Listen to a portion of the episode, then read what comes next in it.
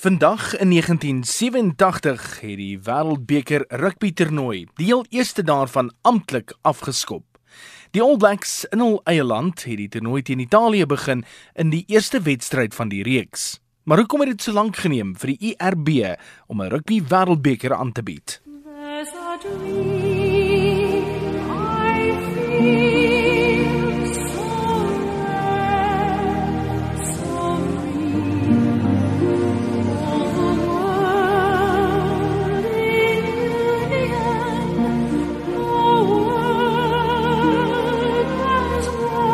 Teen die middel van die 20ste eeu het verskeie sportsoorte reeds wêreldbeker kompetisies of wêreldkampioenskapsreekse aangebied.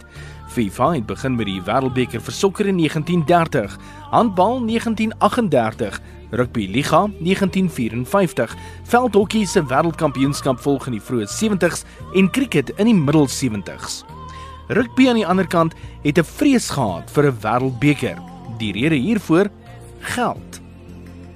Rugby was grootliks 'n amateursport en die invloed van geld in 'n wêreldbeker was onvermydelik. Dit sou beteken dat 'n professionele era gebore sou word, iets wat die internasionale rugbyraad beskou het as onbeheerbaar.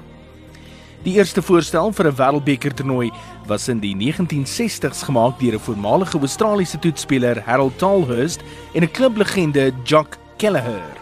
Hulle het voorgestel dat 'n wêreldkampioenskap tussen Australië, Brittanje, Frankryk, Suid-Afrika en Nieu-Seeland bepaal word in een van die lande vir 'n maand lank. Die ERB was glad nie in hul skik met die idee nie en het in 1968 wereldpunt gestel dat daar glad nie 'n wêreldkampioenskap beplan word nie.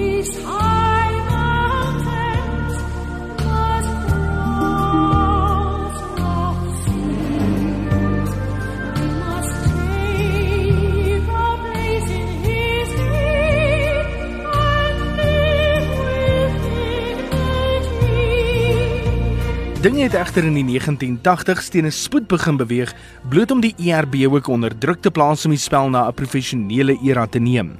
In 1982 het 9 Aussie spelers gedreig om rugby liga te loop speel. Suid-Afrika, wat toe reeds onder 'n sportboikot deurgeloop het, het gedreig om 'n professionele era in te wy in die land. Australiese spelers het ook gedreig om 'n Nieu-Seelandse toer te boikot as gevolg van 'n klein daaglikse toelaag. In 1984 het Frankryk weer die voorstel van 'n wêreldbeker geopper en 'n jaar later is daar 'n stemmery gehou vir so 'n toernooi.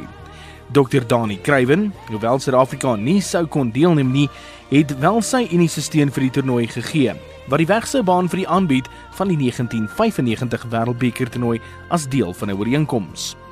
2 jaar na die stemmery in 1987 skop die wêreld se eerste IRB rugby wêreldbeker toernooi af op 22 Mei 1987 met 'n wedstryd tussen Nieu-Seeland en Italië. And let's now join the match.